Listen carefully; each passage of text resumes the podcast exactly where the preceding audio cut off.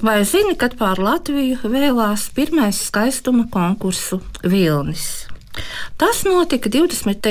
un 30. gados, kad dažne dažādus skaistuma konkursus Teju ik gadu rīkoja pilsētas biedrības, dansingi, avīzes, žurnāli.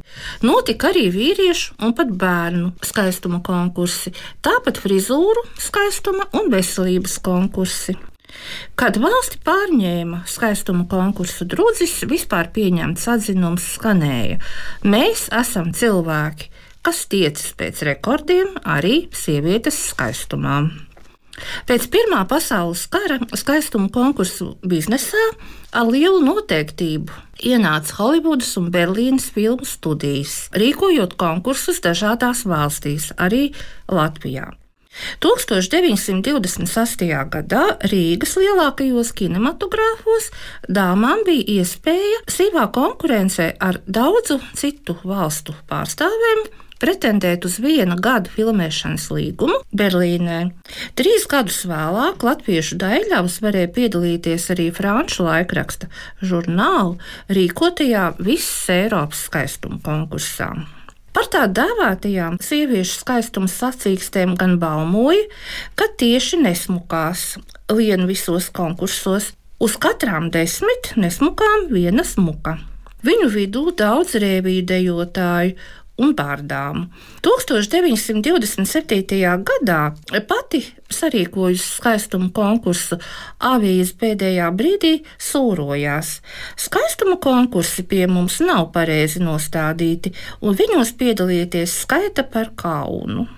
1928. gadā avīzes jaunā nedēļa rīkotajā konkursā, kurā iesūtot savu ģimeni, varēja piedalīties jebkura Latvijas sieviete, laureātēm pienācās zelta rokas pulkstenis, sudraba rokas somiņu vai zelta gradzens ar briljantu.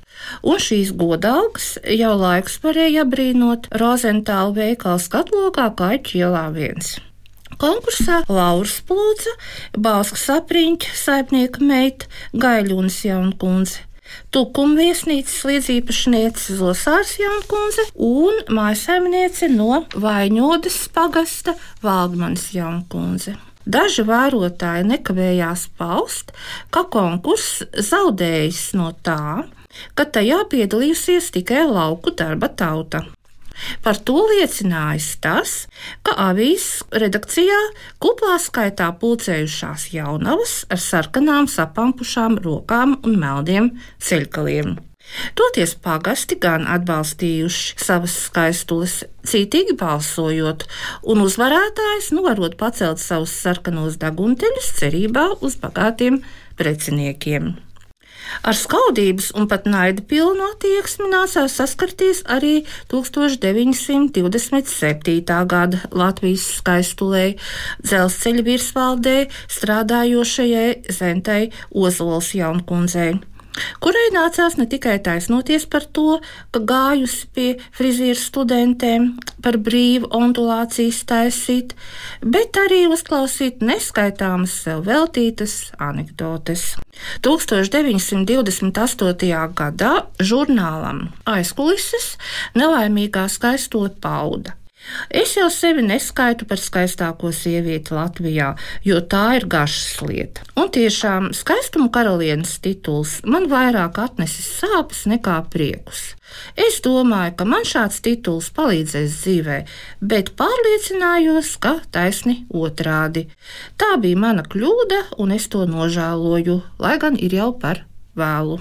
1929. gadā, kad par Latviju skaistumu karalieni kļuva Biruta Andersone, viņas tēvu, bagātu Rīgas linu tirgotāju, to uzzinot, ķērusi sirdslēkme jo meita gan par īstas sievišķības iemiesojumu atzīta, tomēr izpelnījās arī kritiskus vārdus par modernā laikmeta garām un prasībām, drusku par mazu un apaļu augumu un skaistām, bet ne graciozām kājām. Kad 30. gados tā dēvēto darba Venēru konkursu rīkoja laikraksts Segoņa, žūrijā tika aicināti pat mākslinieki. Viņu vidū arī Sigismunds Vidbergs, jo vērtēt vajadzējis nevienu dalībnieku sejas skaistumu, bet arī ķermeņa estētisko uzbūvi un proporcijas. Nogurdinošā konkursa laikā jaunkundzēm no darba tautas bija iespēja kaut reizi mūžā graznoties ar vissmalkāko firmu cepurītēm un uzvilkt īstu skurmja, karakula, ūdeles, lapsas kažokus, ar kuriem rīkotājs bagātīgi apgādāja Rīgas smalkākie modes saloni. Kopsumā par 3 miljoniem latu. Tomēr atšķirībā no ārzemju konkursu uzvarētājām, kurām firmas piesūtīja vērtīgas dāvanas, Latvijas skaistulēm nebija vismazāko cerību uz tam līdzīgām balvām.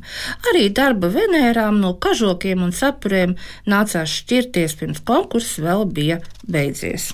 Var teikt, ka skaistuma konkursi brīvvalsts laikā radīja lielu ažiotāžu dzeltenajā presē un visai piesardzīgu interesi pārējā sabiedrībā, kas tos uzskatīja par amerikānisku paražu, kas profanē sievietes skaistumu un norāda uz likumības un daļumu jūtu pagrimšanu.